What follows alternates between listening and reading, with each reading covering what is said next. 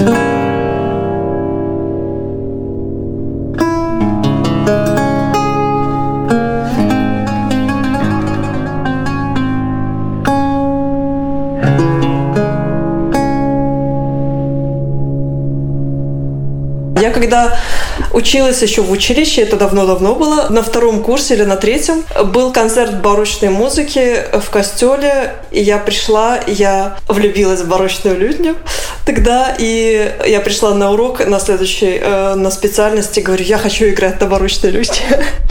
Но это не сразу случилось, потому что у нас инструменты, кстати, делают. Мастера есть в Пинске. Я заказала себе инструмент, и инструмент изготавливали примерно год. Я год ждала. Потом мы начали играть с ансамблем на барочных лютнях. Вот девочка в Минске тоже живет, она, она тоже играет. И мы с ней начали вместе играть. Ну, у нас проходят мастер-классы иногда. Вот в, э, в консерватории был мастер-класс, я ходила, и мне так понравилось. Это были музыканты из Европы, из Германии, и я решила, что надо ко мне поучиться, потому что я много чего не знаю. И выбрала этот город, э, выбрала город Бремен, потому что тут э, есть очень большая хохшуля, очень большое у нас отделение старинной музыки, очень много инструментов. И вообще все супер. Профессор супер. И, ну, мне пришлось, конечно, мне пришлось выучить немецкий. Это был подвиг, э, потому что я, я говорю, что я очень была, я сейчас влюблена в лютню, и это просто инструмент моей мечты, и э, поэтому я работала днями, ночами я сидела и учила немецкий. И достаточно быстро я его выучила. Я, э, наверное, год и пару месяцев я готовилась к уровню B1, и сдала его с первого раза. Я очень не влюблена просто в инструмент. Я вообще сумасшедшая.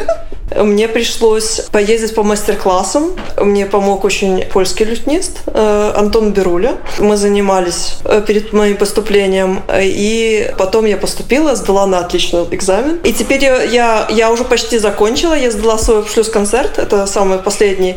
Э, тут экзамены не, не, не так, как у нас проходят. Тут экзамены проходят раз в год. И ты играешь сразу большую программу. И на экзамене, на последнем, это как концерт. Ты пишешь программу программу сам, э, ты защищаешь ее потом. Ты играешь сольно, ты играешь ансамблем. Это было круто. Я тоже сдала на отлично. э,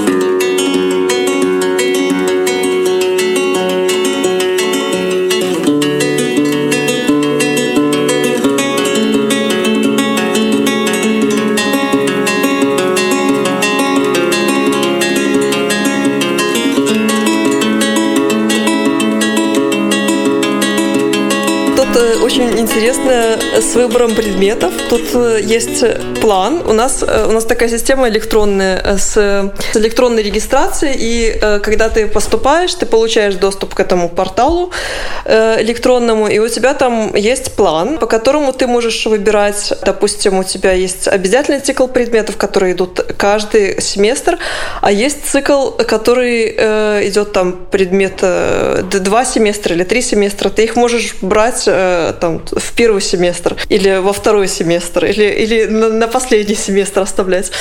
Вот это вот э, очень интересно, это очень э, как бы лояльно и очень настроено на, на персону ученика, да, на персону студента. Я считаю, что это очень классно. И тут нету таких предметов, как политология или социология белорусского государства, да?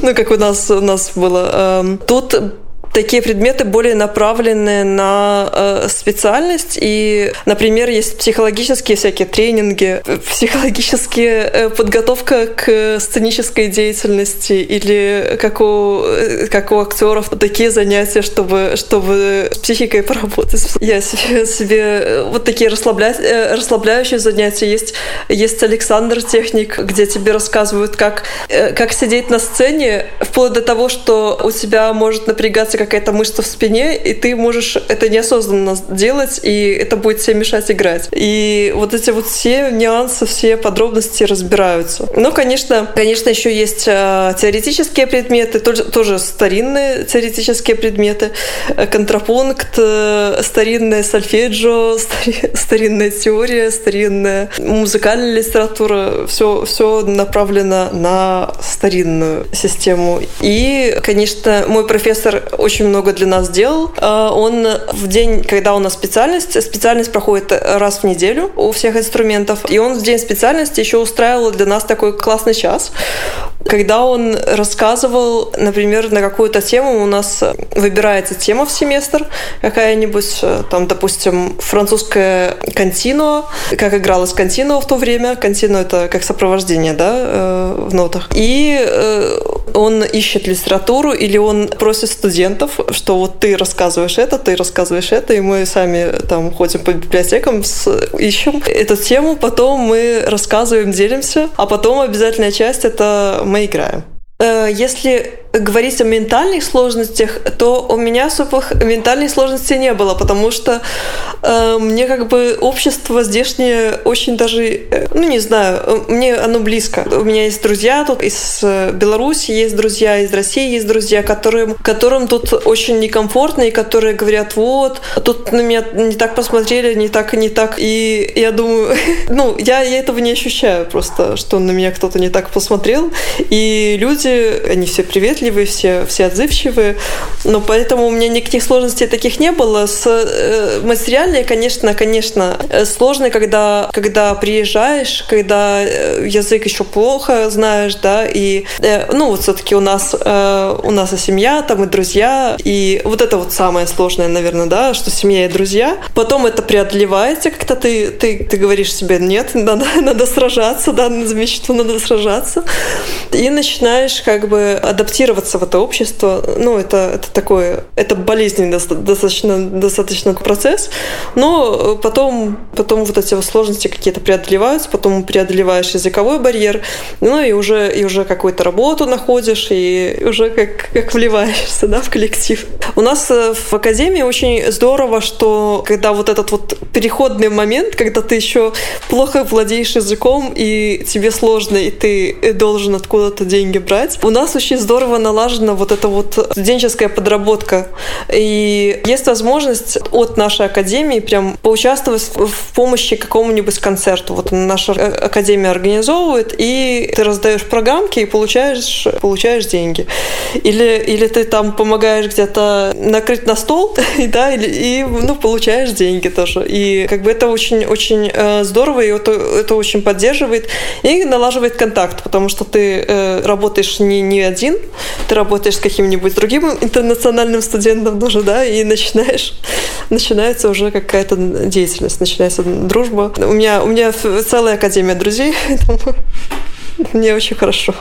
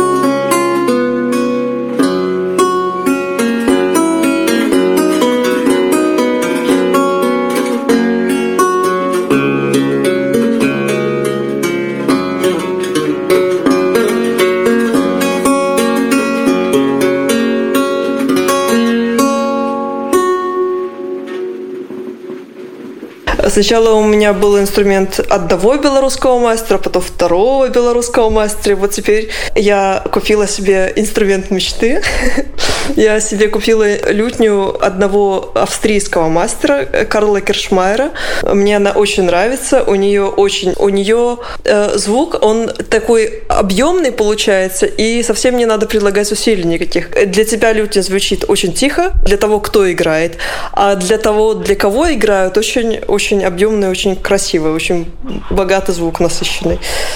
Ну, для, для начинающих не надо такой инструмент, чтобы был очень классный, да. Для начинающих подойдет инструмент и за 2000, за 3000. Для продолжающего исполнителя, и который хочет продолжать и вести концертную деятельность, и записывать диски, Конечно, это лютня, начиная от где-то 5-6 и больше тысяч евро.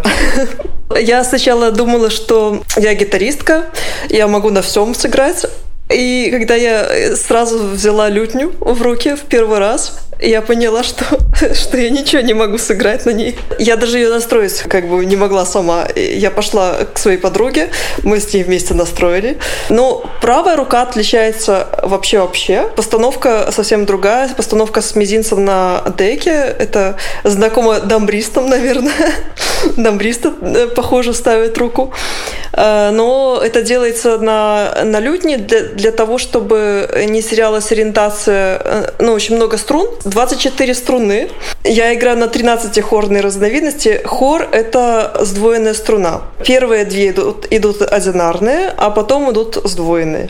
И э, очень много струн, и поэтому надо, чтобы ну, ориентация была, держать палец на деке, мизинец на деке, и для того, чтобы не потерять ориентацию в басах. А левая рука, левая рука, в принципе, похожа, только что больше струн.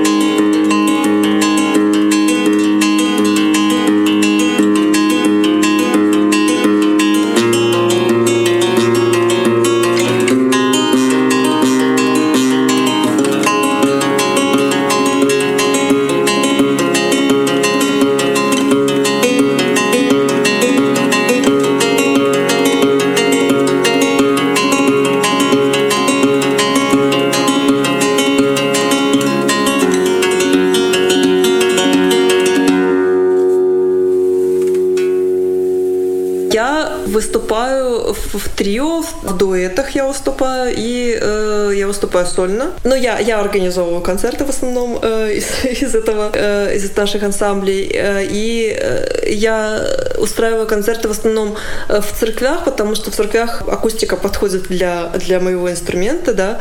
Но есть еще залы, которые можно... Я пока без арендной платы, да, без арендной платы можно их резервировать и потом получать какой-то гонорар или, или тут очень популярно играть на такие шпенды, так называемые, это, это то, что люди дают после концерта, да.